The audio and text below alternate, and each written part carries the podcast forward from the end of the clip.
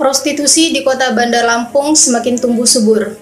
Alih-alih dihimpit ekonomi, kepepet, dan gaya hidup menjadi faktor utama bagi sejumlah wanita memilih jalan hidupnya untuk melayani pria hidung belang. Hal itu dilakoni tentunya untuk mendapatkan dengan mudah. Tidak hanya yang demen mangkal di pinggir jalan atau melalui online, ayam yang berkandang di kampus pun kian berkembang biak. Usut punya usut, setelah dilakukannya penelusuran melalui penyamaran, tim berhasil menemukan salah satu mahasiswi cantik yang diduga berperan sebagai mucikari.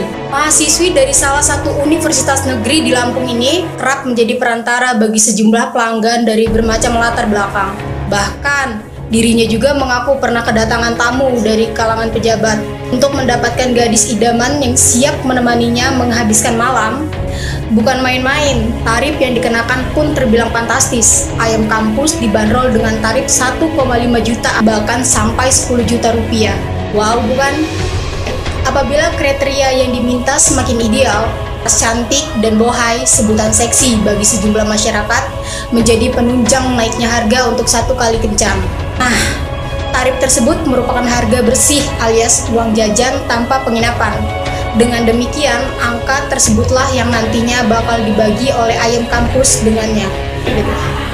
Sistem bermainnya pun dapat dikategorikan lebih eksklusif. Ayam kampus tidak semerta-merta dijadikan sebagai budak pelampiasan birahi seperti aksi roda paksa. Selain harus melakukan booking, angka yang ditawarkan juga tidak dapat dinegosiasikan. Ayam kampus enggak diajak bermain apabila uang jajan yang dijadikan kurang atau di bawah dari kesepakatan. Tarif 1,5 juta rupiah tersebut merupakan pelayanan sepanjang malam atau yang lebih dikenal dengan istilah long time. Plus, embel-embel dapat dimanjakan dengan sepuasnya. Namun, tetap mesti pakai pengaman.